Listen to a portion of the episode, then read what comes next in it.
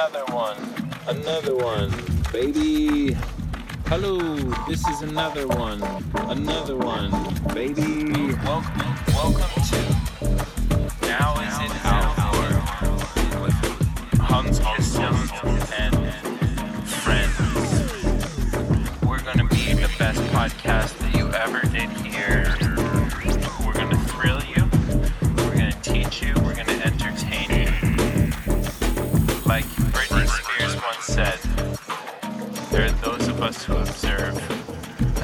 Us who are here to entertain. We're here to entertain you.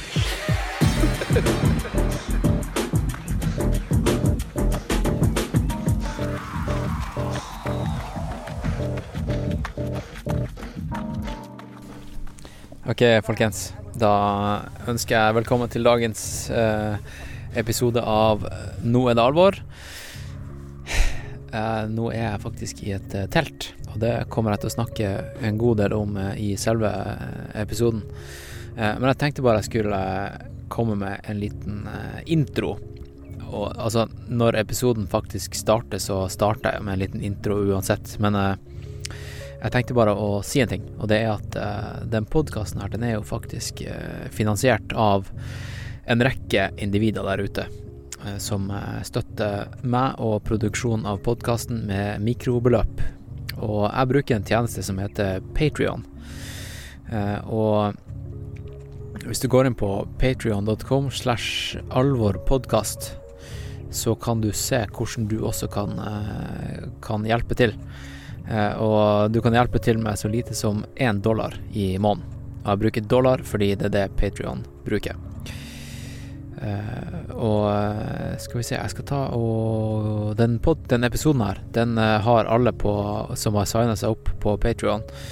I hvert fall på mest bang for the buck-pakka og oppover. De har allerede hørt denne episoden her. Så det er litt av godene du kan få tilbake når du faktisk velger å, å sponse denne, denne podkasten her. Fordi eh, mesteparten av episodene, de er kun crowdfunda.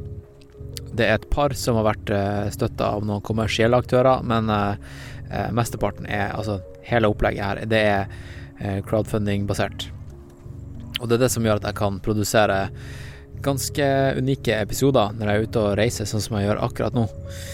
Dagens episode det er jo en solocast, så det, det er ikke noe sånn her fett intervju med, med en kjendis eller noe, noe sånt der. Men du skjønner greia. Så jeg vil egentlig bare benytte anledninga til å si tusen takk til alle som støtter meg, og eh, ja, ta og sjekk ut eh, patrion.com slash alvorpodkast, og så eh, kan du ta og eh, eh, kose deg med denne episoden her.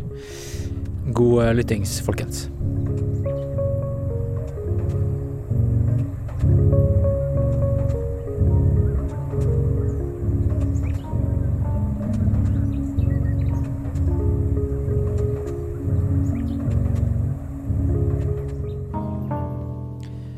Ok, folkens. Da er det duka for rett og slett en uh, solosession, en solocast, med, med undertegnede. Og det her er Det er vel Du får det vel ikke råere enn det her. Eh, jeg er faktisk eh, akkurat nå i et eh, telt. Et eh, Det er vel kanskje ikke første gang du hører meg fra et telt, men eh, nå er jeg i et telt i Argentina. Faktisk i en liten by som heter El Chalten. Uh, og den podkasten her Åh, jeg har så sykt mye å fortelle. Du må bare smøre deg med tålmodighet, uh, poppe popkorn, uh, eller ta deg en langtur, fordi jeg kommer til å holde på en stund, folkens. Og jeg husker for eh, da jeg var ganske ny med eh, ny til eh, med podkasten, så slet jeg litt med å prate alene inn i mikken. Men nå har jeg ingen problem med det. Ingen problem. Og jeg vet at du har god tid. Jeg har god tid. Jeg har eh, satt av et par timer til det her, og mm, ja. Det, jeg har ekstremt mye på hjertet nå, folkens. Mye har skjedd siden sist, og mm, du kan se på det her som en type mellomepisode, fordi eh, forrige episode, det var jo den her med hun Emily Haagood og hun eh, Lynn som eh, i den Mountain Running Magazine-episoden. Der jeg kan, jeg kan si det, det at alt gikk til helvete under innspillinga der. Altså, du fikk ikke med deg en brøkdel av det. alt av det tekniske, bare ingenting funka. Um, og ja uh, Uansett. Uh, det vet ikke noe Altså, det, de engelske lytterne mine, de vet ingenting om det. Men nå vet du det. Uh, apropos internasjonal publikum. den podkasten her, den kommer til å få navnet NEDA, NEDA. fordi at nå er det alvor. Det er ikke så bra det høres ikke så bra ut på, på engelsk. Now is it alvor. Men så, så, noen episoder kommer til å bli engelsk, noen kommer til å bli på norsk. Jeg kommer til å se for deg at jeg på en måte At det norske publikummet er, er Dere er mitt hoved eh, hovedmålgruppe, men så sporer jeg litt av iblant. og jeg kommer nok til å Ja jeg vet ikke hvor mange hvor, hvor, ofte det blir, men det kommer til å skje nå som jeg er ute og reiser. Og ja, jeg kommer tilbake til det. Eh, jeg er jo faktisk i eh, en eh, ganske så fet klatreby nå, med, med Fitzroy som er hovedfjellet, da. Rett bak meg. Jeg sitter nesten og stirrer på det. Jeg har kommet i kontakt med flere som er ute og klatrer det fjellet akkurat nå. Og jeg kommer til å gjøre podkast med en del klatrere fremover. Og en av dem er også en ultraløper. Så en som eh, klatrer heftige fjell og springer langt her på stiene. Det, det, kommer til å bli litt av en podkast, og den kommer til å bli på engelsk. Og hvis du hører, hvis du har et barn rundt meg nå, og har litt sånn gnissing for soveposer, så er det fordi at jeg er på en campingplass. Rett og slett. Eh, så det får du bare ha, ha i bakhodet mens du hører meg eh, prate. OK, så hvor skal jeg starte? Um, mange har kanskje fått med seg at jeg gikk på en liten smell for et par uker siden. Og det var ganske dramatiske bilder jeg la ut på, på Instagram. Uh, der jeg blødde som en gris fra trynet. Jeg ble firt opp i et helikopter og frakta til sykehus. Og ja, det så ganske dramatisk ut. Og det er fordi at det var dramatisk, folkens det som skjedde Nå skal jeg, jeg skal starte med det. Jeg skal starte med det, hele hendelsesforløpet med, med, med, det at jeg faktisk knuste ansiktet mitt i flere biter. Uh, og så skal jeg ta dere med til min reise til Argentina. Uh, så da, da, starter vi med det. OK? Så det som skjedde Hvis dere har hørt på, podkasten i litt over et år, så vet dere at uh, jeg har brukt å være, på den her eh, løpecampen med Sondre Amdal og hun Elisabeth Barnes i januar, cirka. Januar, Og det var jeg i år også. Og uh, det var vel siste dagen, nest siste dagen. Jeg var der i tre uker nå i år. Så, uh, så skulle jeg Så skulle vi løpe fra uh, fra Teheda til Maspalomas, som på en måte er siste del av Trans Gran Canaria-ruta. Det er en etappe på ca.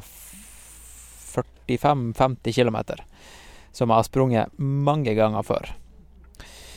Og et lite parti her, da, som, er, som går eh, på en ganske lettløpt sti. Eh, så skulle jeg bare se meg litt tilbake for å se om alle var med meg. Fordi at jeg er jo jeg er jo en av de her guidene, eller mentor, eller hva man kan kalle det, på denne campen. Og jeg sprang vel med seks-sju stykk andre løpere.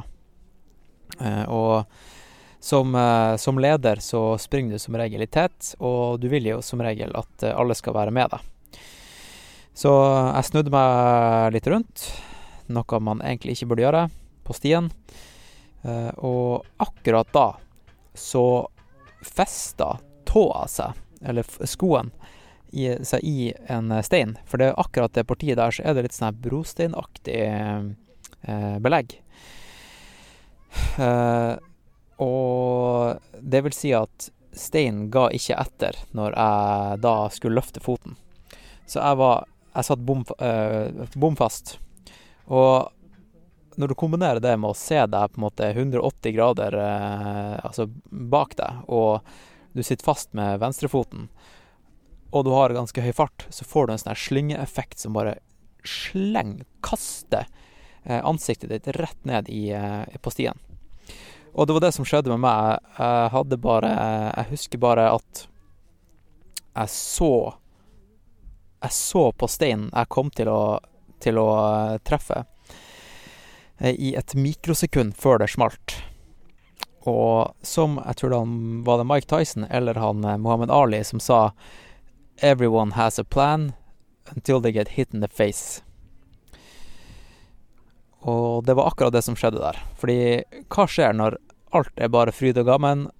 Det er 25 grader, sol, du springer i T-skjorte, shorts. Du bare prater skit med alle rundt deg og bare har det dritfett og Ja. Alt er bare fantastisk. Og så, og så på et mikrosekund så går det fra himmel til helvete på stien. Hva gjør du da? Det, det som skjedde med meg, var at eh, jeg smalt nesa og det her eh, eh, på, på en måte beinet på innsida av øyet. Det traff, eh, det traff en, en stein. Og, og panna mi traff en stein, og jeg vet ikke helt hva eh, detaljene, men eh, begge øyenbrynene mine fikk en ganske heftig trøkk også. Masse fete kutt i trynet, i tillegg til to beinbrudd. Og det kjentes ganske mye verre ut enn det var. Jeg trodde seriøst at hele trynet mitt var, var, var vrengt. og Ja, fordi at jeg, jeg, jeg husker jeg missa synet på begge øynene. Jeg så hvitt. Og det kan jo komme av at det var blod over øynene mine, men jeg regner med at man, man ser ikke hvitt da. Jeg vet ikke hva som skjedde, men uh, det gikk ikke lang tid før jeg svima av, og jeg tror jeg var borte i 30 sekunder, ble jeg fortalt. Og så var jeg tilbake, og da var det blod overalt på den hvite T-skjorta mi. Favoritt-T-skjorta mi.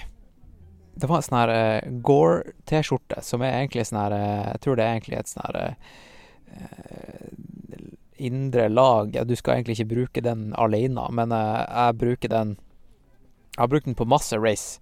Den er ganske tight. Hvit, hvit T-skjorte. Uh, den, den er by far favoritten. Og som jeg kommer, jeg kommer, tilbake til det her, men den ble klippet opp av legene på sykehuset senere. Jeg ble fly forbanna. Uh, så så uh, det som skjedde da, var at um, alle rundt meg, de, de ble jo helt de gikk vel egentlig i litt sjokk, men alle samla seg rundt meg og tok ut alt de hadde av førstehjelpsutstyr og sånne her eh, folie Sånne her space blankets, sånn som, sånn som man egentlig aldri bruker. Du ser ut som en alien. Du vet, hva, du hva jeg snakker om nå, lytter, fordi du er jo en terrengløper, og du har sprunget et par race, og det her er obligatorisk i de fleste race. Um, så jeg ble dekka av to sånne her, og det var vel hun Molly, Basil Truck, tror jeg, som kom med et par strips og stripsa øyenbrynet mitt, for at det, det hadde en ganske solid åpning. Se for deg i MMA eller boksing, når, når, en bokser Du vet når du får en trøkk i trynet, og så plutselig så bare spruter det fra øyenbrynet. Det var øyenbrynet bare åpne seg opp på langs. Det skjedde med meg. Så det ble stripsa, og jeg tror eh, buffen som jeg hadde med meg, eh, som jeg hadde på, på, håndleddet, den ble brukt som en blodstopper. Eh, så, som ble fira rundt hodet mitt. jeg tror den ble erstatta med en bandasje ganske fort. Men så folk folk eh, samla seg rundt og bare plastra opp trynet mitt, og eh, Skal vi se, så kommer han Sondre og gruppa hans etterpå, eh, og, og begynte å ringe etter, etter ambulanse og, og litt andre. Ja, jeg tror det var Det tok vel litt tid før de bestemte at de skulle sende helikopter, men Forresten, hvis du hører noe fløyte her nå i bakgrunnen, så er det nabocampingplassen, som er en sånn her hippiecampingplass. Det er bare masse hippier som røyker weed og spiller fløyte hele dagen. Og går på slackline og har hacky sex. Og bare er ekstremt stereotyp hippie. OK, så bare ha det i bakhodet. Og det er forresten en ganske så flott dag. Jeg, eh, jeg, kom, jeg kom nettopp tilbake fra en nesten fem timers lang løpetur opp i fjellet med El Chalten. Sprang opp til basen av, eh, av fjellet og en ganske så nice runde med Zero Torre. Og ja, hvis, dere, hvis det er noen som er kjent i området, så vet dere hvor ufattelig fett det er. Men uansett. Eh, jeg hadde Jeg hadde trynt. Trynet mitt var et mess. Det bare blødde som et helvete. Jeg kan huske at uh, adrenalinet på en måte begynte å, å, å, å, gå bort, og jeg bare uh, kjente intense smerter. Men det jeg tenkte på da, det var MMA-fighters som blør masse fra trynet og får, og får trynet trykt inn. Altså Hvis de klarer det, så klarer vel, klarer vel jeg også det, å holde ut. Så um, så det gikk egentlig ganske greit, men det var jævlig vondt. Jeg husker jeg, jeg tighta alle musklene i hele kroppen bare for å på en måte cope med, med smertene. Uh, og um, uh, rundt meg så var det egentlig kaos. For, uh, det var det, i hvert fall sånn jeg opplevde det. Og folk ringte ambulanse, og jeg ble fortalt at ja, nå kommer det folk De har kjørt med ambulanse ned til veien, som er liksom en kilometer unna de kommer til å springe opp med båre, og så plutselig ble jeg fortalt at uh, nei, de, de, bestemte seg for å sende helikopter i stedet fordi at uh, Jeg vet ikke om de var for dårlig shape til å springe opp med båre eller noe sånt der, men uh, det var i hvert fall enklere å sende, sende helikopter, da. Så da lå, jeg tror jeg lå en time der og, og deala med smerter og holdt meg i Holdt meg bevisst. Og så kom helikopteret. Og eh, ja, da begynte jo prosessen med det, da. Og for dem som har blitt eh, firt opp med helikopter før i en sånn redningsaksjon, så eh, ja, det er ikke så fett. Men jeg kan jo fortelle hva som, hva som skjedde, da. De, de bærte meg opp i en sånn her liten båre. og den båra, den pumpa dem opp med luft rundt meg, sånn at jeg ble, var helt stabil. Sånn at jeg ikke kunne bevege en muskel. Uh, og så prøvde de å sette på meg en uh, sånn her type maske à la uh, skibriller for å skåne øynene for Eller ansiktet for på en måte rotor... ja, vind og sandblås og sånn der. Men så, så, var jo det Det traff jo akkurat på alle kuttene og nesebrudd og alt sånt der. Så um, han Sondre Amdal han donerte rett og slett sine solbriller og la dem på ansiktet mitt i stedet. Uh, og så fikk jeg et headset på meg, et sånn her uh, lydisolert, uh, sånn at, sånn at helikopteret Sånn at jeg ikke fikk øreskader. Hørselsskader. Forresten, hvis det, blir, hvis det er masse blafring i teltet, så må dere bare deale med det. Det er det er ganske ustabilt her i, her i Patagonia. OK, uh, så uh, jeg ble firt opp da, med, sammen med en kis som uh, jeg, tror, jeg, tror, det var sammen med en kis. I hvert fall en kar som Jeg tror han hadde GoPro rundt, rundt magen og drev og tok masse bilder mens vi holdt på. Jeg tror det var for å dokumentere redningsaksjonen, for å sikkert bruke en eller annen debrief, debrief seinere. så jeg ble firt opp. Eh, etter hvert så så, så begynte jo helikopterturen, og jeg har alltid tenkt sånn her når jeg hører historier om Hillary Allen som ble eh, frakta med helikopter ut av eh, ut fra Hamperokken da hun trynte der, liksom At Jeg vet ikke. Man tenker nå alltid liksom Ja, det er sikkert artig å fly helikopter, men fy faen, altså. Det er ikke så fett når du har intense smerter. Og uh, helikopter Jeg har aldri flydd helikopter før, men uh, jeg kan si det at det er ikke som en berg-og-dal-bane. Det var ganske stabilt. Det var ikke liksom Det var ikke artig.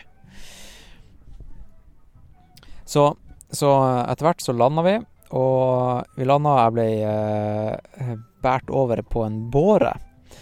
Og der på den båra så lå jeg ganske lenge og venta til det kom en eh, ambulanse. Jeg aner ikke hvor jeg var. Til den dag i dag. Jeg, altså, jeg, jeg vet ikke hvor det her var hen. Alt jeg vet, er at det var på Gran Canaria et eller annet sted. Og så, og så etter hvert så, begynt, så kom ambulansen, og så lempa de meg bak i den. Og så kjørte vi til et eller annet sykehus på Gran Canaria. Og uh, det her var et uh, offentlig sykehus. Skal vi se, jeg skal bare ta og lukke igjen uh, inngangen til teltet. Sånn. OK. Så jeg, har skrevet en liste her, folkens. Men jeg, jeg, jeg, tenkte jeg kommer til å glemme veldig mye detaljer. Så når jeg satt på flyet fra Gran Canaria, så lagde jeg bare en sånn her hendelsesforløpliste. Så, så, det som skjedde jeg, Skal vi se. Det er artig å se på lista. Ja. Etter hvert så kom jeg til sykehuset. Jeg tror La oss si at hele denne smellen i trynet skjedde klokka halv ti eller, eller ti på morgenen. Og jeg var da kanskje kommet til sykehuset ca. klokka tolv. OK? Da kjører de meg til akutten, og de kjenner på alle ledd for å kjenne Og, og de, de liksom ser for deg at de masserer magen min for å sjekke om alt var intakt. Milton, sikkert Milton og, og, litt andre ting. Men jeg visste jo at det bare var trynet som hadde fått seg en trøkk. Og så selvfølgelig eh, knær og litt sånn der, men det var bare skrubbsår. Men eh, det viktigste var innvoller og indre blødninger sikkert, og beinbrudd. Så kjørte de meg inn i en, eh, i en skann med røntgen, og jeg vet ikke om det var en CT, jeg husker ikke, for jeg, jeg kunne fortsatt ikke se noe.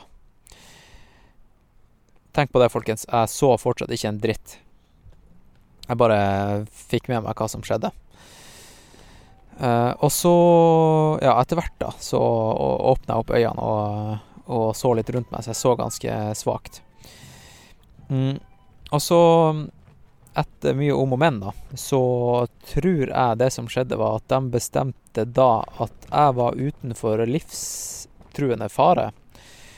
Så de trilla meg inn på en seksjon som eh, var litt sånn her eh, nederst på lista-seksjonen. Det vil si at eh, folk kommer og hjelper meg når, eh, når det er noen som har tid, kanskje en gang etter lunsj en eller annen gang. Uh, så jeg ble da trilla inn på, på, en sånn avdeling med andre folk som, uh, som hadde det ganske kjipt. Og de, hadde, de, gjorde egentlig ikke noe med meg. De, de fiksa ikke sting... Altså, de, de, sydde meg ikke. Eh, de lot de her sårene egentlig bare være helt u, ureparert. Med de stripsene som jeg fikk av Molly på stien. Lå der og bare sånn her Hva skjer? For jeg kan, ikke, jeg kan ikke spansk så veldig bra. Uh, og det var ingen som prøvde å forklare til meg hva som var liksom agendaen her. så Og det her er ikke noe sånn her forsøk på å oute sykehuset på Gran Canaria, men jeg ble faktisk ganske dårlig behandla, vil jeg tørre å påstå. Uh, fordi jeg lå der i ca. seks timer uten at noen kom bort til meg. Jeg måtte ekstremt pisse, noe så, så basic som det. Uh, og jeg, jeg ropte i Jeg lå der og uh, med et sånn her skikkelig blodig tryne. Det var ingen som hadde vaska ansiktet mitt engang. Blodig tryne. Jeg, jeg, blødde fortsatt. Jeg kunne kjenne liksom at det gørsa ut av, av, øyet mitt. Eh, og jeg vet jo ikke hvordan jeg så ut. Jeg må ha sett ut som et monster inni hjørnet der jeg lå. Uh, og jeg måtte ekstremt pisse. Og det å liksom eh, rope og få kontakt med vaskedama for at hun skulle kontakte noen andre for at jeg skulle få pisse på en eller annen måte det tok, det tok meg ca. en time. Og alle som gikk forbi, de trodde at jeg var en sånn eh, psykopat som bare lå i et hjørne, og eh, de visste ikke hva jeg, hva jeg trengte hjelp til. Uh, og det var, i tillegg så var det en eller annen dame, en skikkelig gammel dame, skrøpelig dame ved siden av meg. Oi, shit, nå begynner det å blåse opp her. Kanskje jeg kan bruke den her soveposen som en lydisolering. Den her soveposen som de sier er Skal visstnok gå ned til minus én, worst case, og Nei, skal vi se. Komfortabelt minus én, og worst case, altså worst worst, minus 25. Men det er det dummeste jeg har vært borti, fordi at jeg frøys på fem grader i natt. OK, så Så eh, jeg lå med ei dame som drev og ropte Ropte på en, en eller annen kis som het Sergio. Sergio, Sergio. Eh, og agua, agua. Så hun var jo tydeligvis kjempetørst, men også kanskje litt mentalt syk. I tillegg til å være fysisk skada på en eller annen måte. Hun lå og repeterte seg sjøl i timevis. Sergio, Sergio, agua, agua. Uh, og etter hvert så kom, så kom det da ei dame med sånn her eh, pappbeger som man kan uh, lempe penisen inni, og la det stå til. Og det var akkurat det jeg gjorde. Jeg fylte han helt opp. Uh, og etter hvert så ble jeg faktisk ganske sulten. Og som sagt, det var ingen som kom bort til meg på ca. seks timer. Og alt jeg hadde å spise, det var i vest, løpevesten min. Den her eh, åtteliteren som, eh, som jeg brukte på løpeturen. Og der hadde jeg vel to gels og en banan. Så det koste jeg meg med. Og en eh, 250 milliliters eh, softflask med vann. Så i løpet av hele eh, sykehusoppholdet på Granka, så var det det jeg fikk i meg. Og så skal vi se her, da. Så klokka ni har jeg notert meg her, fikk jeg hjelp. Så jeg var faktisk på sykehuset fra sånn i 12-1-tida til klokka ni. Shit. Da kom det ei sykepleier som kunne engelsk. Jeg tror det var egentlig det som var greia med at uh, de venta så lenge, var at uh, det var ingen som kunne engelsk der. Og hun eneste som kunne engelsk, hun kom på jobb da. Så da, da satt hun seg ned med meg og vaska ansiktet mitt og satte på nye strips. Og så tok hun av meg Jeg hadde en sånn her type hals... Sånn type Du vet sånn her Som stabiliserer nakken. Sånn hadde jeg på meg sånn hvit eh, Se for deg en sånn her eh, whiplash eh, lampeskjerm, liksom. OK. Og så, eh, etter litt eh, et, Etter en halvtime med mye mm, vasking og stripsing, så sa hun at eh, jeg kunne reise meg opp. Og det var første gang jeg reiste meg opp fra etter det som hadde skjedd. Og da så jeg hva jeg hadde ligget på. Og det var en treplanke. Og på den treplanken så var det under meg var den hvite T-skjorta. Bare helt rød.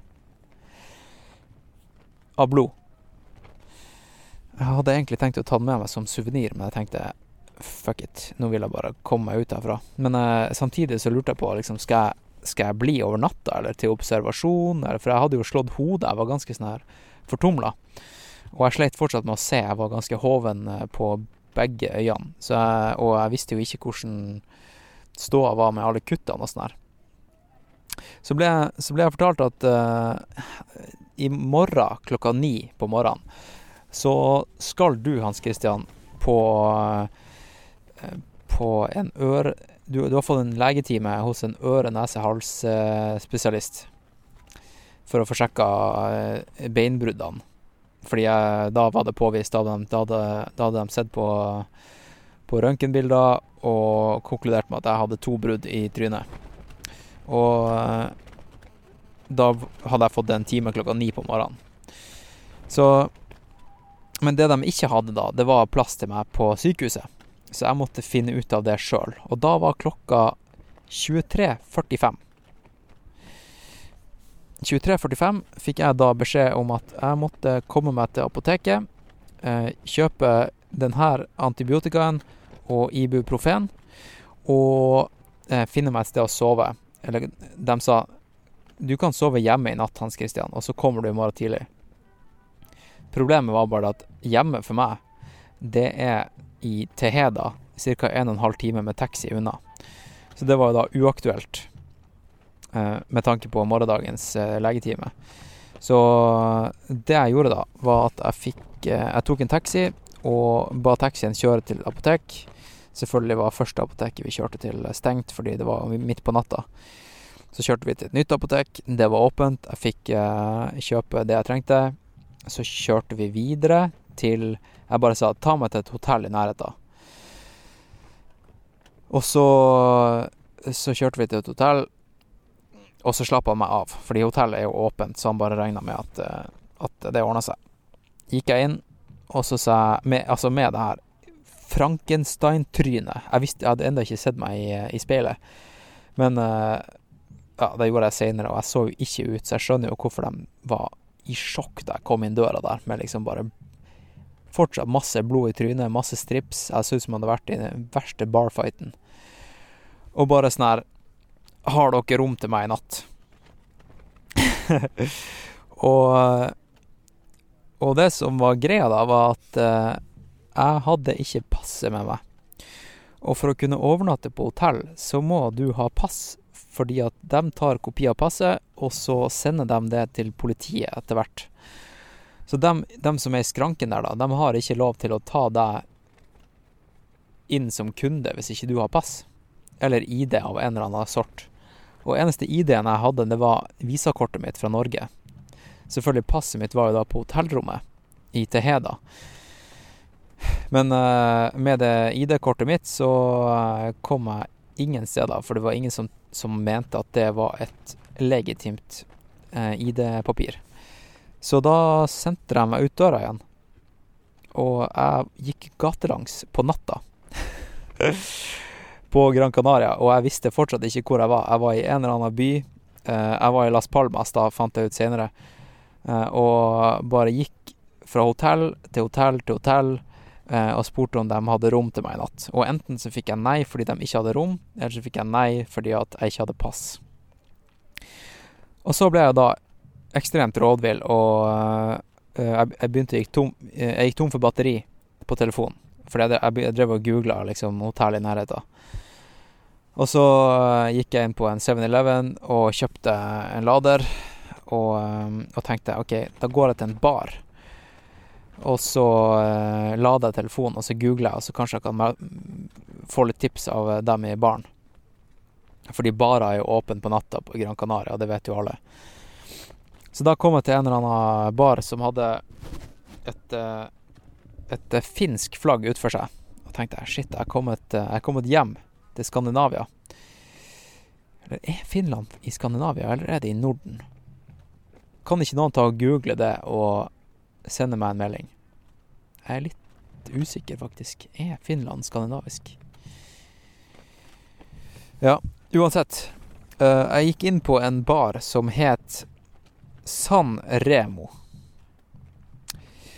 Og der ble jeg møtt av en bartender som Som sa Altså, han så jo selvfølgelig sjokkert ut eh, og spurte hva har skjedd med deg. Og så fortalte han hele historien. Og du vet når du møter et menneske, og du bare Du er genuin. Han er genuin. Alt bare klaffer. Han skjønte meg. Han, han skjønte at det her var ikke en løgn. Det her var ikke en, en crazy kiss som kom inn, som kom inn i uh, baren hans og, og bare prata bullshit. Jeg var ikke full, jeg var bare forslått. Og øh, han fikk skikkelig sympati med meg. Så, så det jeg sa, da Jeg er på jakt etter et hotell. Vet du om et hotell i nærheten som kanskje kan eh, ta Bare ordne meg et rom for natta uten at jeg trenger å ha et pass? Så sa han jeg vet om et sted. Bli med meg, Hans Christian han her kisen, da, etter hvert så viste han seg Han heter Kava. Og han er Han var ikke finsk. Han var faktisk en greker som hadde bodd i Finland i 30 år. Og nå hadde han funnet seg ei dame på Gran Canaria og starta en bar. En finsk bar på Gran Canaria. Så han Kava Han sa eh, Vi gikk ut av baren, og så sa han sånn her My name is Kava. Just like the motorcycle. Jeg tror det, jeg, jeg tror det var det han sa. Eh, og så og så fulgte han meg til hotellet.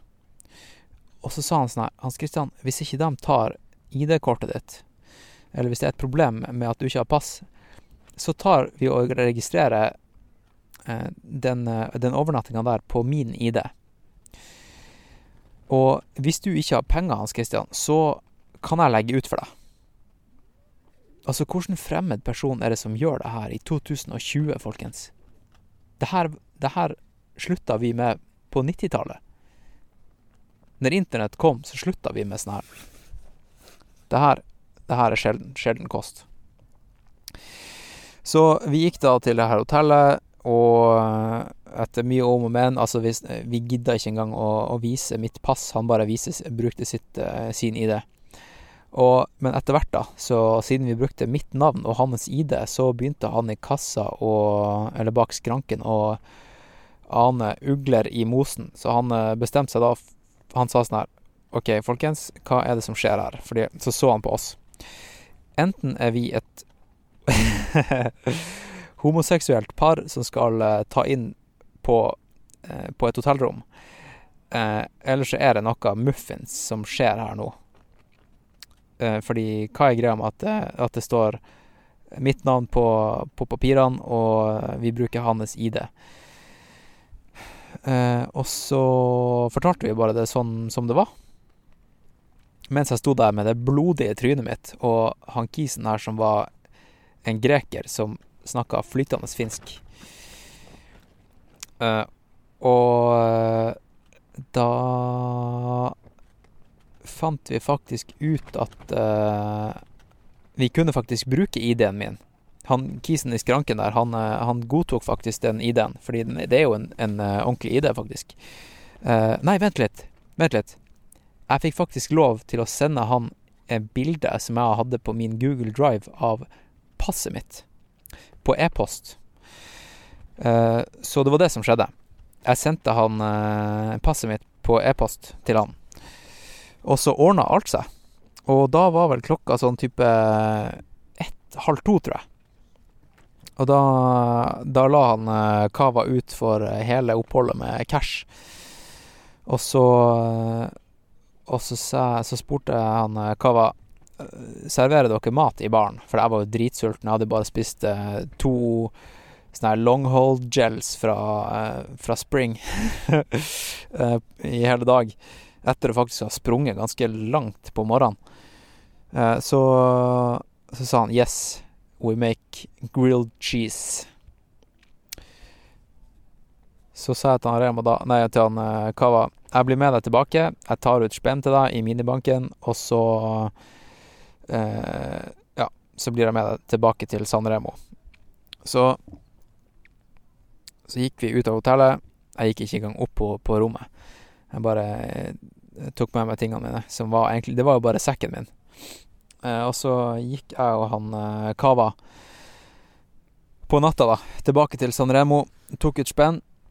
Og eh, jeg satt meg da i Eller skal vi se, vi gikk til, til San Remo, og mens vi gikk, så sa han sånn her eh, Etter vi prata litt, så spurte han spurte hva jeg driver med, og så sa han sånn her OK, so you're an athlete. Eh, og så fyrte han seg en sigg. Han gikk litt sånn der Hvis du har sett Rocky, du vet hvordan han liksom slenger med med, med, med kroppen når han går. Litt sånn her nonchalant stil. Ganske kul. Bare at uh, han, han her kisen har fyrt seg en sigg, da. Uh, så går han litt sånn fett bortover gata, og sier han sånn OK, you're an athlete. Tar han opp lighteren, fyrer seg sigg. Og så spurte han, så sa han sånn her Do you smoke? det var ingen logikk i den setninga der. Altså, er du en atlet, røyker du. Han skulle da selvfølgelig være hyggelig og spandere på meg en sigg, men uh, jeg takka høflig nei, og traska med han tilbake til baren. Og så sa han sånn her uh, I'd let you sleep in my house, but my, my, my wife is pregnant and crazy. Uh, så ja, uansett, da. Dere skjønner, han kisen her, han var, han var, han var rett og slett en, en genuint snill kis med tru i menneskeheten. Så ja, vi kom til San Remo. Jeg bestilte meg en alkoholfri øl og skylte den eh, antibiotikaen ned med den alkoholfrie ølen. Eh, og så bestilte jeg meg en grilled cheese. Og det var hvitt brød, ost og skinke, som var rett og slett slisa diagonalt. Og jeg satt der og knaska på den. Det var faen meg det beste måltidet jeg hadde hatt på 100 år. Kan du tenke deg det? Tenk litt også på eh, hva jeg hadde vært gjennom den dagen. Det var berg-og-dal-bane, og her var jeg nå midt på natta i totida på eh, Etter å ha sprunget på stien med masse venner, bare bli sugd opp i et sånn her eh, helikopter, kjørt til et sykehus, og nå var jeg på en bar på, i Las, Las Palmas og spiste grilled cheese med en kis som het Cava. Så uh, skal vi se her, da. Det var egentlig det fra den dagen, tenker jeg, som jeg ville, eh, ville ta opp. Og jeg gikk nå da til, eh, tilbake til hotellet, la meg og sto opp ganske tidlig. Spiste, opp, spiste hotellfrokost og sjekka ut og tok taxi. Eh, så hadde jeg sånn her Jeg hadde fått bånd rundt håndleddet på sykehuset, så jeg visste jo faktisk ikke hvor jeg skulle tilbake. Jeg, jeg hadde jo jeg hadde jo slått hodet skikkelig hardt. Jeg visste jo ikke om jeg hadde hjernerystelse engang. Uh, så eneste måten jeg visste hvor jeg hadde vært hen, var jo på det håndleddet. Så jeg bare satte meg i taxien og viste taxisjåføren det, det, det båndet rundt håndleddet, og så kjørte han meg dit, da. Så ja, en lang historie, men uh, ingen kunne engelsk på, på, på, på sykehuset, og Uh, jeg måtte ringe ei, som kunne oversette. Ja, mye tull. Men uh, det ordna seg i hvert fall. Jeg kom til, kom til øre nese hals-timen, og Ja. Etter at de hadde liksom stukket Jeg måtte sette meg i en sånn stol som så ut som en sånn her tannlegestol, med masse instrumenter. Og så begynte de å stikke masse pinner opp i nesa med sånn her type vaselinaktige greier. Bare for å lube opp nesa. Eh, og etter å ha smurt nok vaselin langt opp i nesa, så kom det en sånn snabelaktig greie som jeg bare firte inn, eh, som hadde lys og kamera. Eh, så tok de en lang titt på inni nesa, og og bestemte da at Eller kom til en konklusjon om at jeg trengte ikke å få Og jeg trengte ikke operasjon. De, de gjorde noen sånne små justeringer, bare knakk den litt på plass, og så sa jo jeg da umiddelbart sånn her Du, eh, det har seg sånn at eh, jeg har et fly i kveld. Jeg skal på et fly, og det flyet skal ta meg til Chile. Lar det seg gjøre? Det er ca. 15 timers flytur. Først må jeg til Madrid, og så må jeg over til Santiago. Og etter Santiago så skal jeg videre ned til Patagonia. Så det er lang reise. Kanskje Jeg tror reisen var på 30 timer, tror jeg. Men selve flyturen da var på tror jeg 14 timer over Atlanteren. Og da sa hun bare først nei, det, det kan du bare glemme. Men etter å ha tenkt litt, da, og og litt sånt, så sa hun sånn her Worst case, da.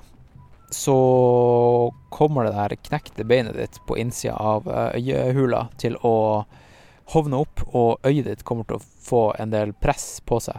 Og det kommer til å gå utover øyet ditt. Men jeg er ganske sikker på at det her kommer til å gå bra.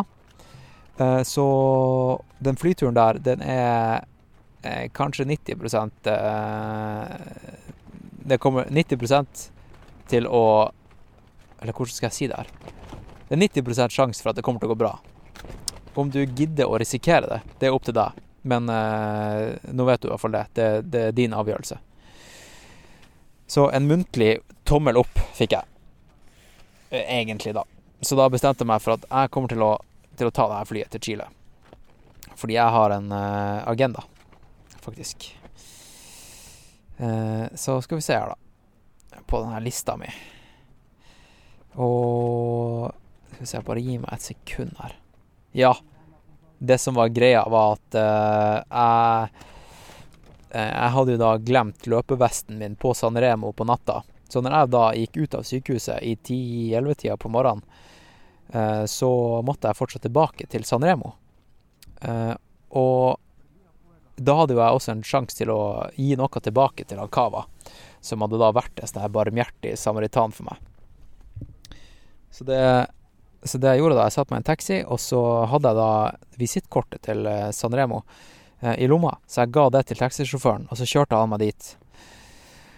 Kom jeg inn på Sanremo, som akkurat hadde åpna. Det åpna klokka elleve, og, eh, og eh, han, eh, han Kava møtte meg i døra der. Uh, bare sånn her Hans, how are you doing? You forgot your backpack. Og jeg, og jeg bare sånn her Yes, I know, that's why I'm here. Uh, så sa han sånn her uh, Come inside and have a drink.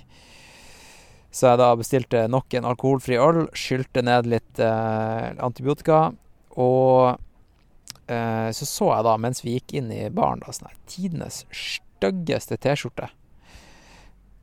Der det sto San Remo, pub Las Palmas. Med stor gul skrift på sort T-skjorte. Da tenkte jeg sånn her Den her T-skjorta, den må jeg bare kjøpe. Jeg må ha den som suvenir, og jeg vil legge, igjen litt spenn, ekstra spenn i baren til han Cava. Så, så sa jeg sånn her Jeg sa til han Hey Cava, that's the coolest T-shirt I've ever seen. I'll take it. Så sa han OK, Hans, but I won't allow you to pay for it. What size are you? Jeg bare sånn Kom igjen, Kava. La meg betale for den.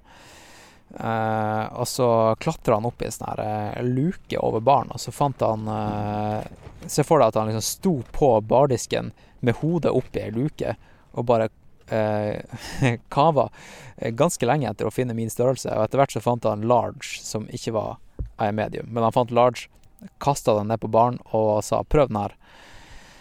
Gikk jeg inn på do og tok den på meg. Og så kom jeg ut, og så ropte jeg Fuck yeah, I'll take it. Og så um, Og så sa jeg bare sånn her eh, La meg i hvert fall betale for, uh, for kaffen, da. Og, og alkoholfri øl, da. Og det lot han meg gjøre, da. Så masse takk til Kava. Det, det er egentlig det minnet jeg sitter igjen med fra, fra Gran Canaria, og det siste som skjedde, var liksom bare Hvor fet kis han der var. Liksom, han gjorde hele hele den dagen der bare skikkelig spesiell. Noen mennesker, ass. Noen mennesker. Så, så videre, da. Jeg fikk eh, tak i løpesekken, og eh, alt ordna seg med det. Jeg gikk rundt på, på, i Las Palmas eh, med et fortsatt ganske fucked up tryne og hadde på meg den T-skjorta. Eh, og når du da har et ganske ødelagt ansikt med masse strips og helt hovent og fortsatt litt sånn her tørka blod rundt omkring, og da på deg en T-skjorte der det står San, Pub San Remo Las Palmas på, så er det jo som å si til hele verden rundt deg at du har vært i en barfight. Det skjønte jo jeg ikke før Ja. Jeg, jeg så meg i speilet og tenkte det her er bare feil, så jeg skifta tilbake igjen. da. Eh, men jeg har i hvert fall T-skjorta som et ganske bra minne. Og hvis dere følger meg på Instagram, så er det her eh, Jeg tror det er Jeg tror jeg tok bilde av det og la det ut. OK, så videre, da. Eh, jeg satte meg på det flyet, da, til, til, til Chile. Og det gikk faktisk helt greit. Jeg, bruk, jeg, tenkte, jeg brukte den der flyturen til Madrid som en test og den gikk eh, bra. Og overgangen til eh, Santiago var ganske kort. Jeg trengte ikke vente så lenge, så jeg, hoppa på det flyet. Og jeg husker faktisk nesten ingenting fra den flyturen, der, for jeg var fortsatt i ganske sjokk fra hele opplegget. Så det gikk egentlig ganske greit, tror jeg. Og long story short så ble jeg plukka opp av hun der eh, Katrine som eh, dere har hørt i intro og utro i noen episoder. Eh, faktisk den siste episoden av eh, podkasten. Og Ian Corless-episoden fra Nepal. Og hun var vel med i den der eh, Mingma David Sherpa-episoden fra Nepal også. Så eh, Ja, da kom jeg til en by som heter Koyaike, og, eh, som vi kjørte til. Og der tok vi da inn på en Airbnb og ei som var ei hytte litt opp i fjellskrenta. Og vi var der ei uke. Vi hadde egentlig tenkt å dra videre ganske fort, men eh, av trynet og alt sånt der, så måtte jeg bare chille litt. Og eh, ja, det, fordi greia var at vi har, eh, vi har ordna oss et ganske fett telt. Det teltet vi sover i nå, eh, det er et sånn her eh, dometelt. Eh, Se for dere et sånt her gult eh, Ja, det er sånn åtte det- er masse Det er ikke åttekanter, det er sånn 20-kanter. Eh, Ganske, ganske stort telt. Det er vel plass, plass til tre personer her, tenker jeg. Eh, Det har vi ordna oss, så vi hadde egentlig tenkt å dra videre med det ganske fort. Men det å ha masse sår å behandle og, og kutt og sånn der med, og med campingliv, det Det måtte vi bare utsette. Så skal vi se jeg skal bare ordne Ordne litt her. Jeg ligger ganske dårlig. Bare gi meg to sekk. To sekk liter. OK, da er jeg tilbake. Uh, ja. Så det som har skjedd, da, da Det her er jo da to uker siden Nei, skal vi se. Jo, jeg kom vel En og en halv uke siden er det, er det siden jeg kom til eh, Chile. Så det var Ja, det var ei uke i Koyake. Og du som driver med idrett, lytter, du tenker jo eh, jeg, vet ikke, jeg vet ikke hvor høyt nivå du er på, men eh, for meg så er jo sånn her Når du blir skada eller syk, noe av det første du tenker på, er jo liksom sånn her Når kan jeg få løpt igjen? Og eh, jeg var jo Altså, beina mine var jo OK. Det var jo bare trynet mitt som var fucked up. Eh, Så jeg tok meg en joggetur. Skal vi se her, da. Det her skjedde på en onsdag. Altså det her eh, møtet med, med moder jord skjedde på en onsdag. Jeg tok meg en joggetur på søndag. Med to brudd i trynet og masse kutt. Og den løpeturen var ikke noe bra. Jeg tror den var på syv kilometer eller noe sånt her. Bare sånn her eh, Ja, det var, det var ikke noen god opplevelse. Men eh, jeg fikk i hvert fall løpt og kjent litt etter på kroppen. Og ja. Det var første løpetur etter hendelsen. Og onsdagen etter der, da tenkte jeg sånn her OK, nå begynner jeg å kjenne meg bra, og nå skal jeg ut på langtur. Og så gjorde jeg ikke på sånn her klassisk smell. Der jeg du vet, du vet når, du, når du har vært syk, og så skal du liksom bevise for deg sjøl at du liksom fortsatt har det. Da dro jeg ut på en langtur.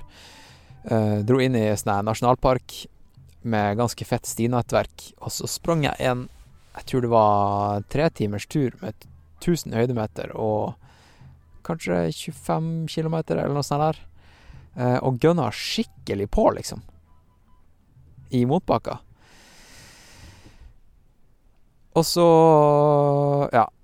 Ikke at det skjedde noe, men liksom eh, Dagen etterpå var jeg bare helt utkjørt. Og det, det var nok Altså, kroppen er jo i reparasjonsmodus, så det der tror jeg ikke hadde, jeg hadde så veldig godt av. Eh, og i tillegg da så er det jo på antibiotika. Og etter hvert så, så begynte liksom eh, Jeg klarte nesten Jeg klarte ikke å løpe en dritt det, altså utover uka. Jeg har aldri løpt Jeg, jeg tror jeg var på en sånn joggetur på, søn, nei, på fredagen etter. Og altså to dager etter den her, her ekstreme turen dro jeg på en joggetur. Ganske flat grusvei i 14 km eller noe sånt her. Og jeg har aldri jogga så sakte. Jeg tror jeg jogga på sånn her syv minutter på kilometeren. Jeg måtte bare le av meg sjøl hele veien. Eh, og det er selvfølgelig, det er jo antibiotikaen og hele pakka. Og jetlag og beinbrudd og ja, alt sammen. Men liksom her, hvor idiot er man ikke når man er liksom midt oppi det hele? Du tror du har alt under kontroll. Du tror at du er sterk psykisk og liksom ja, jeg skal gjøre alt det rette. Jeg har en podkast, jeg snakker om eh, trening og preacher liksom eh, ideell måte å gjøre alt på. I hvert fall til, til tider. Og så går du ut, og så er du idiot. Men eh, det er vel eh, ganske menneskelig, tenker jeg. Ja. Uansett, da. Så, så etter hvert så eh, Når vi hadde vært i Koyaik i ei uke, så bestemte vi oss for å I stedet for, for å dra ut på en sånn fire-fem dagers eh, haik til eh, over til Argentina, så tok vi rett og slett bare en sånn her over natta-buss. En 13 timers eh, buss til eh, Til eh, Skal vi se her nå, så ikke jeg sier noe feil. Vi kom oss til Chile Chico, og så tok vi en buss derfra til El Chalten. Eh, og det var ferge involvert. Men det var den her turen fra Chile Chico til El Chartén i Argentina som var, eh, som var, som var lang. Og akkurat før jeg satte meg på den bussturen der, da, så hadde magen min begynt å reagere på et eller annet. Og jeg, jeg tror jeg Sett i retro, retrospekt så er jeg ganske sikker på at det var rett og slett en ødelagt eh, tarmflora fra en ganske heftig antibiotikakur som jeg hadde vært på. For det, jeg begynte å bli dårlig i magen rett etter at jeg var ferdig med kuren. Sånn her type, ikke diaré, men bare sånn her ekstremt oppblåst og hyppig dobesøk. Så med en gang jeg spiste noe, så bare, så bare ble jeg, jeg så gravid ut. Og så måtte jeg, måtte jeg eh, fise i liksom en time. Så Og, og liksom magekramper og hele pakka. Så eh, det her skjedde da før jeg skulle på en sånn her ganske kjip busstur i 13 timer over natta. Så det jeg gjorde da, var å sette meg på bussen eh, og begynte å redigere podkast. Den her podkasten som var Jeg tror det var episode 87 som, eh, som var med Ja, den jeg snakka om i stad. Den her Mountain Running, Mag Running Magazine-episoden. Eh, og da satt jeg vel kanskje i tre timer, tror jeg, og klippa den her der. Og så fikk vi servert noe sånn her Stoppa vi på, en- på en sånn stopp, og så kom han eh, bussjåføren inn med mat til alle sammen. Sånn her skikk Se for deg, se for deg flymat, bare 100 jævligere. Eh, det var to sånne her eh, To eh, brødskiver med, med tomat eh, Noe tomatbas, og så, og så en ost som hadde blitt, vært smelta av sola i et døgn. Og eplejus og en sjokolade. Og jeg vet ikke hvorfor, men jeg spiste det her, da. Så, og da bare sånn magen min bare eksploderte. Så det jeg gjorde da, jeg gikk eh, Satt meg på det bakerste setet, for det her var ganske sånn her Se for deg en sånn her vanlig norsk rutebuss. Ikke sånn her Oslo sentrum eh, men eh, en i Tromsø, kanskje. Eh, bare med toalett bakerst. Gikk bakerst, satt meg på bakerste sete og tenkte sånn her Her, hvis jeg, hvis jeg slipper en fis eller to, så gjør det ingenting fordi at det er rett med toalettet, så hva, liksom, hva forventer du? Med, altså, det må jo være en stank rundt to toalettet, så det, det, var, det var min Det var sånn jeg rasjonaliserte det. Så jeg gjorde det, og så face jeg egentlig hele natta. det var det som skjedde. Jeg satt og face hele veien fra Chile til Argentina, eh, og kom da til El Chalten i sekstida på morgenen uten noe særlig søvn, og eh, vi da Det var helt horribelt vær. Ca. fire-fem grader og storm og regn og sludd. Og så gikk vi bare inn på, på busstasjonen og tok en kaffe. eh, og brukte litt wifi og bestemte eh, Fant litt ut av hvor vi skulle overnatte. For det er jo sånn her Ja, skulle vi ta inn på campingplass? I så fall eh, hvor? Eh, eller skal vi finne et hostell eller en Airbnb? Og nå er det, nå er det sommer i, eh, i Patagonia og på denne uh, sida av kloden. Og det er sommerferie og rett og slett eh, eh, ja, høysesong her i El Chalten. Så jeg skal bare lukke igjen det eh, mygg... indre teltet. Så det ikke kommer noen bugs inn her. Så eh, vi bestemte da at uh, vi skulle gå til en, uh, til en campingplass og ta inn der. Ta inn, uh, der. Så det er der jeg er nå. Og nå har jeg vært her i, i Skal vi se I nesten ei uke. I seks dager. Nå er det søndag. Det er søndag den 23. februar 2020. Og ja, koronaviruset, det herjer. Og ja, det kommer jeg tilbake til.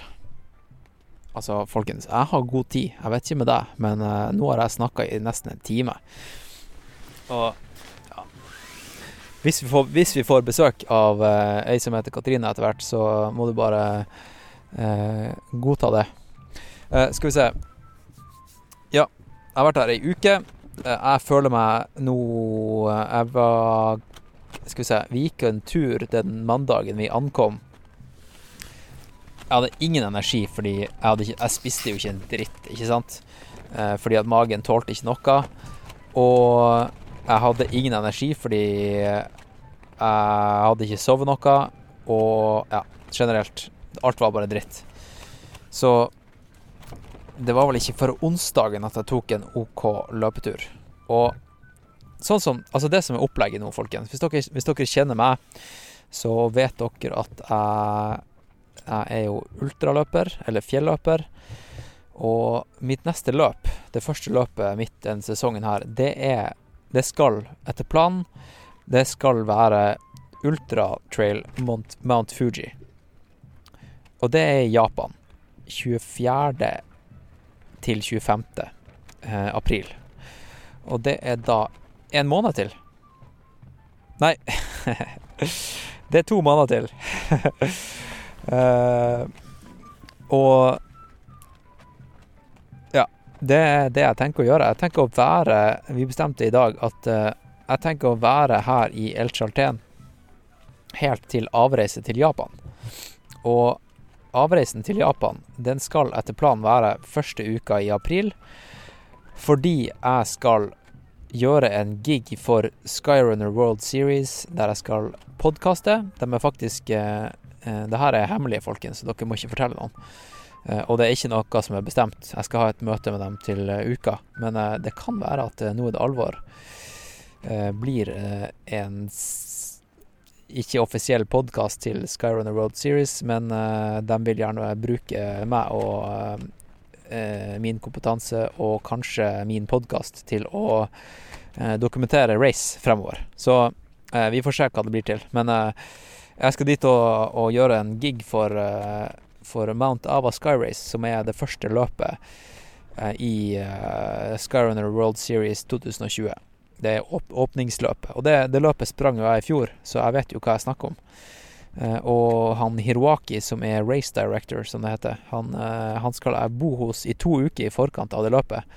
Og uka etter, altså helga etter det løpet, så er Ultratrail Mount Fuji. Og det løpet skal han Hiroaki også springe. Og jeg kjenner jo familien hans godt, og dem skal være crew. Så hvis alt går etter planen, folkens, så blir det her en jævla fet tur.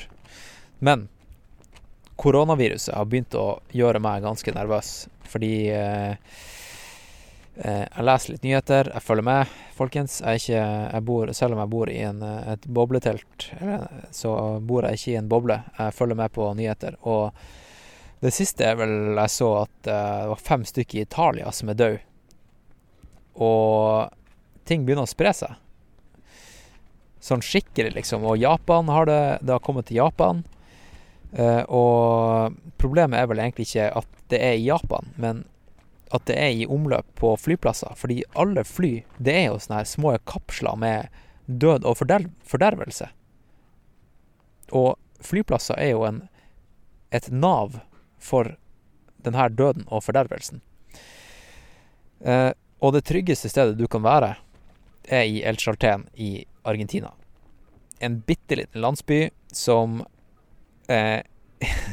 eksisterer kun pga. fjellene her. Hvis dere, hvis dere, har sett den her eh, vet, altså, Folkens, ta nå og google El Charten. Jeg skal legge en link til det. Eh, og jeg tror den beste filmen dere kan se på, på nett for å eh, skjønne hvor fete fjell det er her, eh, er den her dokumentarfilmen som ligger ute på Red Bull TV, eh, som er en del av den her Real Rock-serien. Eh, med Den er vel i to deler, som heter A Line Across the Sky.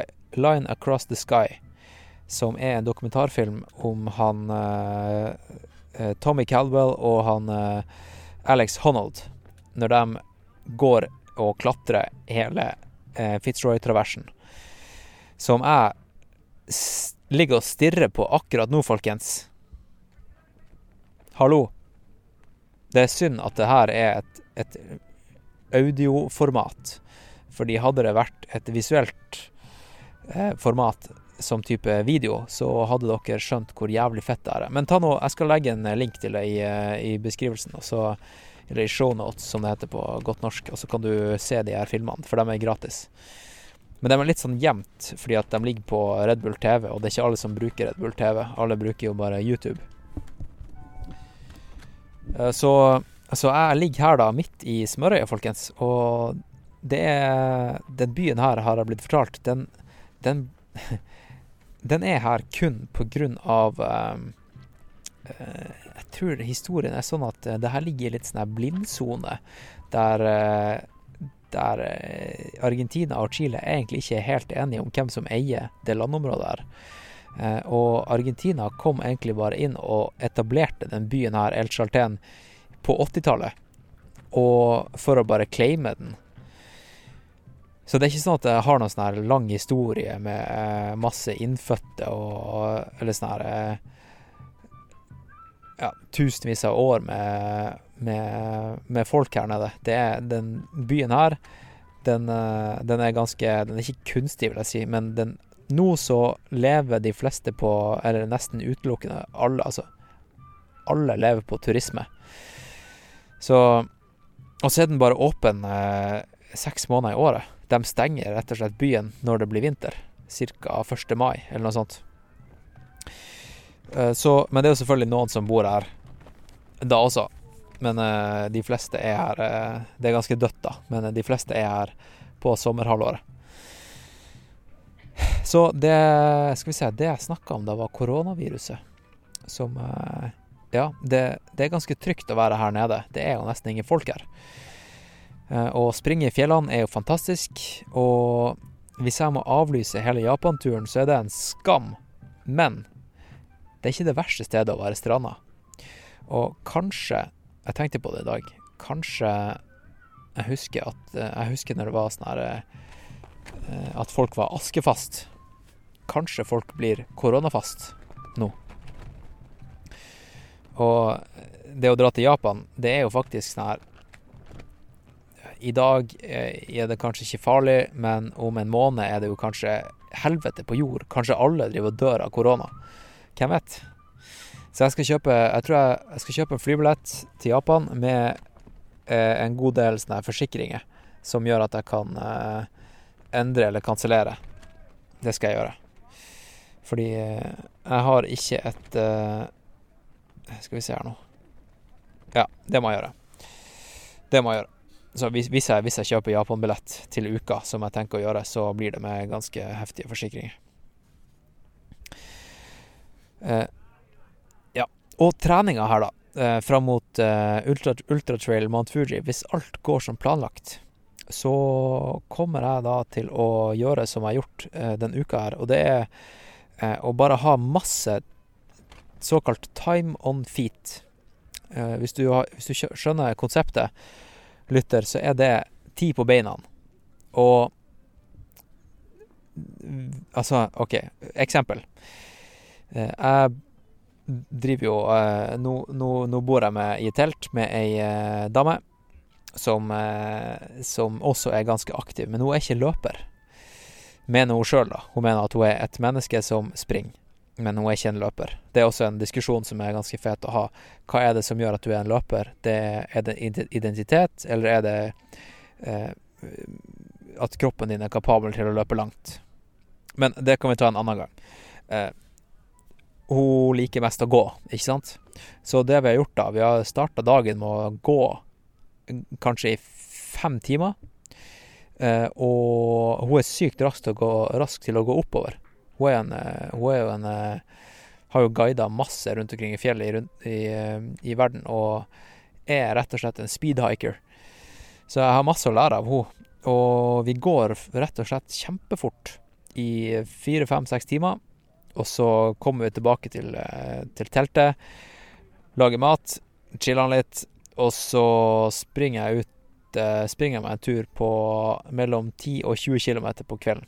Fordi det er sommer og ikke midnattssol, men det er lyst ut til sånn halv ti på kvelden. Og det er ganske mange timer på beina, folkens. Da blir det effektivt da en sju timers, ja, treningsdag. Uh, og i går så leide vi sykkel. Og jeg sykla i fem timer, og så kom jeg tilbake, og så eh, sprang jeg meg en tur. Og så Ja, da, det var en syvtimers treningsdag, det også. Og i dag så sprang jeg i fire og en halv time. Og jeg tror ikke det blir med trening i dag. Men eh, hvis jeg kan da trene i altså mellom eh, tre og seks timer, eh, der halvparten av det kanskje ikke er løping, men bare sånn her generell aktivitet, så tror jeg det er gull for å kunne prestere på et langt løp som Ultratrail Mount Fuji, som er 100 miles, altså 160 km. Jeg tror det er 165 i, rundt Mount Fuji. Eh, og som dere vet, så er nøkkelen til å prestere på eh, i ultraløp, det er jo da en av dem Jeg tror det var en haiku jeg leste, eller det var en vis mann som sa for å bli flink, så må du springe mange miles eller kilometer. Mesteparten sakte. No, litt av de, noen av de kilometerne skal være raske. Og så må du hvile når du er sliten. Så det er akkurat det jeg har tenkt å gjøre. Hvile når jeg er sliten, og gønne på når jeg har overskudd, og resten blir rolig. Eh, og hvis det er dårlig vær her, da, som det kan bli, det kan bli helt for jævlig. Ikke sant? De siste dagene har det vært 25 grader og sol. Jeg har sprunget i baris, eh, faktisk. Eh, så ja, da kan man være ute uendelig lenge. Men eh, hva hvis det blir eh, fem grader og sludd, ikke sant? Da må man jo deale med det. Men eh, da er det faktisk også en eh, innendørs buldrehall med styrkerom. Ikke så langt unna, altså 200 meter unna. Så det kan man gjøre. Eh, og hvis jeg føler for det, så kan jeg Noe som jeg kommer til å gjøre, det er å dra ut og klatre. Og eh, jeg har faktisk eh, brukt mine kontakter i Arcterix. Jeg sendte en melding til, til mine kontakter der, og jeg spurte jeg om det var noen i El Charten som de sponsa, som jeg kanskje kunne møte og gjøre podkast med, eller bare møte og trene med. Og da satte de eh, meg i kontakt med en kis som heter Jakob. Og han Jakob satte meg i kontakt med tre andre som eh, er her nede nå. Og jeg møtte han ene i forgårs. Og han er nå ute og klatrer på noen helt sjuke fjell sammen med en annen eh, Med en Skal vi se, han var amerikaner. Og han amerikaneren her, vi, eller jeg møtte dem på en uh, lokal uh, bar og tok en pils med dem her om dagen. Og det var dagen før de skulle ut og klatre. Jeg tror de skulle bruke sånn tre-fire dager på det. Uh, og han kisen her, da, han der amerikaneren, han var fra California. Og hvis det er noen av dere som har, som har sett den Seinfeld-episoden der han George og han Kramer drar og klatrer med han der kisen som jeg tror heter Tony, så eh, skjønner dere litt hvilken type han kisen her var, for han var akkurat som Tony. Jeg skal ta og legge inn et lydklipp fra den Seinfeld-episoden nå. don't think so, George. You're getting a rush from bowling. Rush? You want a rush? Drop a ball on your toe, my friend. Talk about a rush. You'll be throbbing. You'll see visions. No, no, no, no, no, no. I'm thinking rock climbing. All right, rock climbing. Oh, ju- just the two of us. All right, all right. Uh, hey, I'll make some sandwiches. You know, what, what, what do you like? Tuna, peanut butter? What, whatever. All right, all right. I gotta buy some bread. Yeah, yeah. You know, I am definitely down for some rock climbing. Yeah, me too. I am down. I am totally down. Mark me down. Cool. So, uh, what do you say we climb a rock mañana? Eh, og det som var artig med den Seinfeld-episoden, det er jo det at han, han Tony Han tryner jo fordi at han, han eh, George eh, Skal vi se Han George Han hadde bestemt seg for å lage noen sandwicher til å ha med på klatreturen. Og når han George da skulle ta fram sandwichen fra sekken sin midt oppe i fjellveggen, så glemte han da å sikre han Tony, og han Tony tryner og faller mange meter og eh, rett i bakken. Og hun Elaine, som da var sammen med han Tony Hun var jo da sammen med Tony bare fordi at han var en pretty face. Altså han eh, Det var ansiktet hans hun likte. Og det var jo akkurat det han ødela eh, under det fallet der, da. Og han jo, endte jo opp med masse bandasje i trynet. Eh, og jeg følte meg faktisk litt som at Tony når jeg lå der på Gran Canaria og måtte plastres opp og, og hadde bandasje over hele hodet. Ironisk nok så møtte jeg han Tony, da. Han kisen her på, på en bar her om dagen. Og det jeg da tenker å gjøre, er å lage en podkast og intervjue de her to når de kommer tilbake, forhåpentligvis fra denne klatreturen. Fordi de karene her, de er legit. De er legit. De er ikke Altså, det er mange her som klatrer Fitzroy-fjellet, som er på en måte det fjellet som dominerer hele, hele eh, byen her. Men eh, de karene her, de har klatra Fitzroy masse ganger. De er ute og nå går i flere dager og kombinerer og lager egne ruter og, og eh, gjør ganske fete ting. Så hvis jeg kan lage en podkast med dem, så hadde det vært jævla fett. Og neste podkast, det, det, det kan jeg si, det blir med eh, ei som eh, har studert eh, ganske mye, tatt tatt en del kurs om, eh, om eh, sikkerhet i fjellet. Fordi eh, eh, jeg har blitt ganske bevisst på hva jeg tar med meg nå på fjelltur når jeg er ute og springer, spesielt alene. eh, Etter det, det som skjedde på Gran Canaria. Og eh, ja, jeg kan jo si hva jeg hadde. Nå har jeg vesten rett ved siden av meg her. Eh, hva jeg hadde med meg i dag. Jeg hadde med meg en eh, Nå var det jo jævla fint vær, da. Men eh, jeg hadde to jeg skal si, én liter vann med meg. Nå, nå får jeg fylt på veien, for det er masse bekker og sånn her. Eh, to sekunder. Jeg hadde med meg eh, en, en dry bag med masse ekstra klær. Altså vindtett altså, jakke, bukse og et Skal vi si en longsleeve type ganske ganske varm eh, type ulltrøye, nesten. Og så eh, Skal vi se, hva mer var det? Ja, lue og hansker. Det var i den sekken her, da. Så da, hvis noe skulle skje, så fikk jeg i hvert fall holdt meg vindtett og varm, ikke sant? Så har jeg en, eh, en liten eh, en liten førstehjelpspose som da ikke bare har førstehjelpsting i seg, men den har litt sånn her worst case-ting. Og det er eh, en eh, Det er pass. Det er plaster, det er sårvask, det er bandasje og enkeltmannspakke og saks. Eh, og sånn her aluminium Sånn her space blanket-opplegg. Så da er jeg i hvert fall covered hvis, hvis jeg skulle få noen kuttskader eller noe sånt. Eh, og eh, ja. Og så har jeg gått til anskaffelse av eh, Mens jeg da var i Koyaike her forrige uke, så kjøpte jeg en en spot tracker. Og hvis, for deg som ikke vet hva en spot tracker er, så er det en sånn her Du, du har sikkert sett det, men det, det er en sånn her oransje dings som ja, ser, er kanskje ser nesten ut som en telefon, bare uten et display. Den har seks-sju knapper på seg. Og det den spotten er, da, det er en uh, GPS-sender. Uh, og den gjør da uh, For det første, det viktigste er at den har en SOS-knapp. Eh, Så hvis noe, hvis noe skjer, så kan du trykke på SOS, og da kontakter den alle eh, nødetater i området.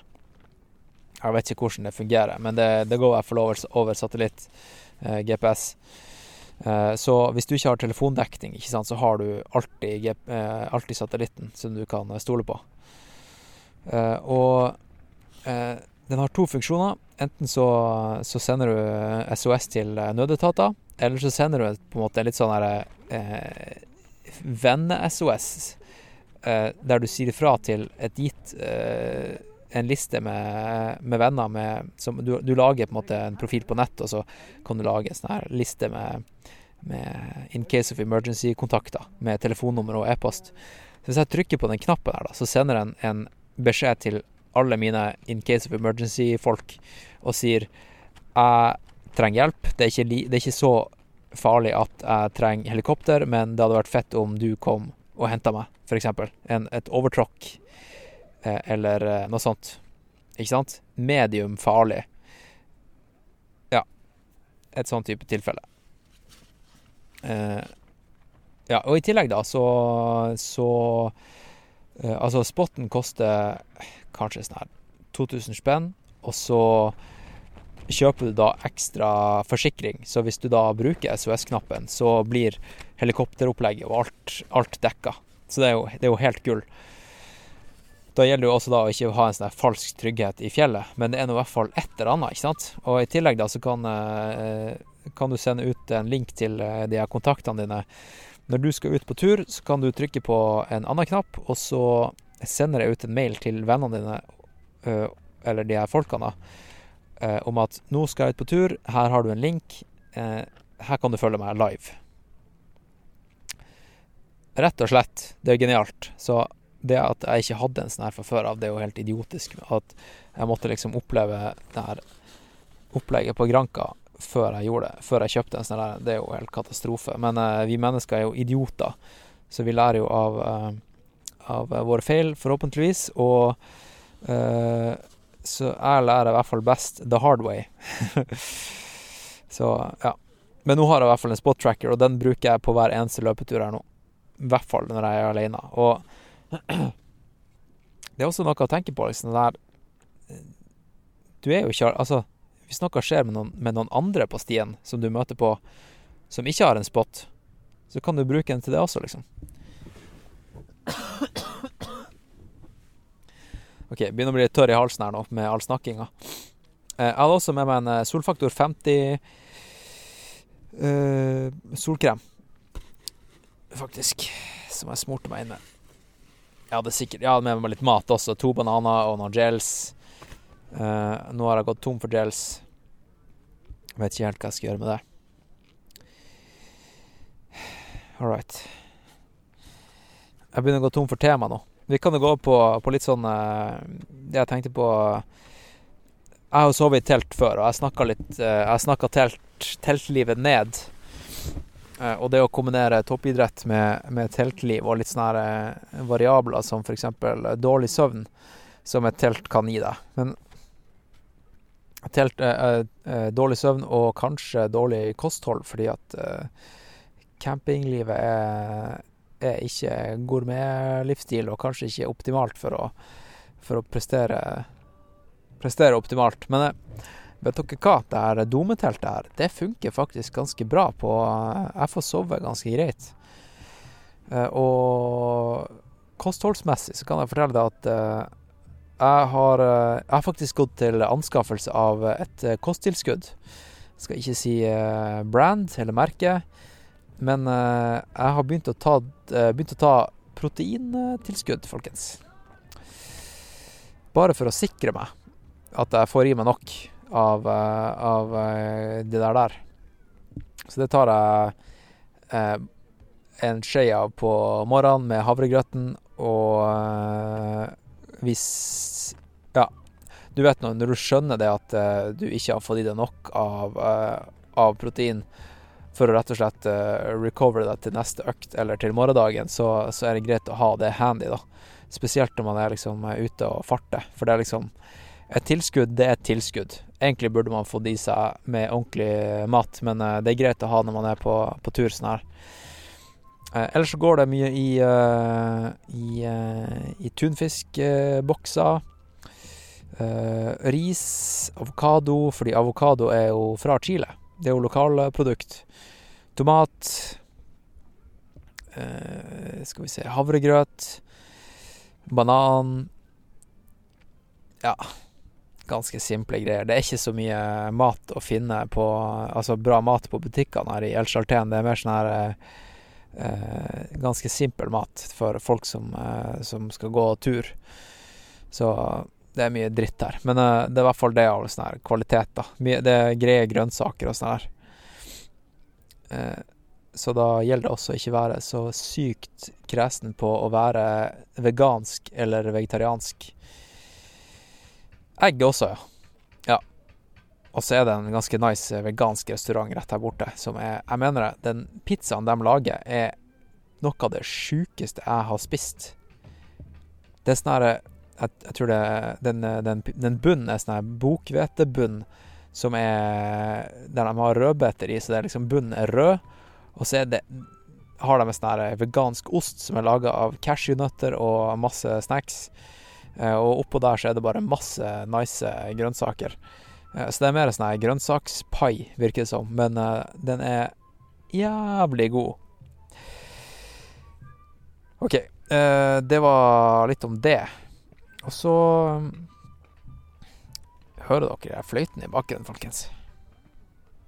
Ja. Jeg tror jeg begynner å bli ferdig her nå. Og ja, jeg tror jeg begynner å bli ferdig. Jeg tror ikke jeg har så mye mer på hjertet, og hvis jeg har noe mer på hjertet, så, så, så tar jeg det i neste podkast. Rett og slett. Og øh, jeg har sendt øh, For dere som, øh, som er Patrion av podkasten, så skrev jeg en sånn her oppdatering da jeg kom hit på mandag. Og jeg sa det at jeg har kontakta Honnold Foundation. Og for dere som ikke, ikke vet hva Honnold Foundation er, så er det en eh, veldedighetsorganisasjon som er styrt av han eh, eh, Eller som bruker navnet til han Alex Honnold, som er han her klatreren som eh, er kjent for den Fri Solo-dokumentaren, blant annet. Eh, men uh, Ja. Og, og, Honnold Foundation Der har jo faktisk eh, jeg og noen av mine lyttere eller mine patrions som har signa seg opp på denne pakka som jeg har laga, som heter Honum Foundation-pakka. Der har vi donert flere hundre dollar til denne, her, den her eh, veldedighetsorganisasjonen. Så jeg tenkte, eh, siden jeg så han Alex Honnold på Instagram, at han var i El Charten og driver og herja oppe i fjellene her, hadde det ikke vært fett om jeg kunne sette meg ned med han og podde i teltet mitt. Skal vi se, nå tror jeg vi får besøk her eh, og snakke om eh, Honnold Foundation. Eh, og selvfølgelig må han stille opp på det her, fordi at eh, jeg har jo donert hundrevis av dollar, ikke sant? Og ja, nå får vi besøk. Men eh, i hvert fall, det er litt sånne her, eh, tanker jeg har. Kanskje Kanskje vi får til en podkast med han. Kanskje vi får til det. Hey, what's up? Hey. I'm I'm just about to finish up here. All right. Eh, da, da, da, da avslutter jeg her fra teltet. Eh, jeg håper du har en eh, finfin eh, dag, lytter. Og så, så tar vi og snakkes eh, Snakkes i neste episode. OK? Over og ut. Rock climbing? Where do you come off going rock climbing? Rock climbing? You need a boost to climb into your bed. All right. All right. Yeah, what is it with you and Tony? What, what are you, like a sidekick now? Yeah, that's right. I like it. Such a cool guy. Cool guy? What are you, in eighth grade? He's the first cool guy I've ever been friends with in my whole life. You know, it's a different world when you're with a cool guy. He's not afraid of anybody. You hear the way he talks to waitresses. He gets free pie.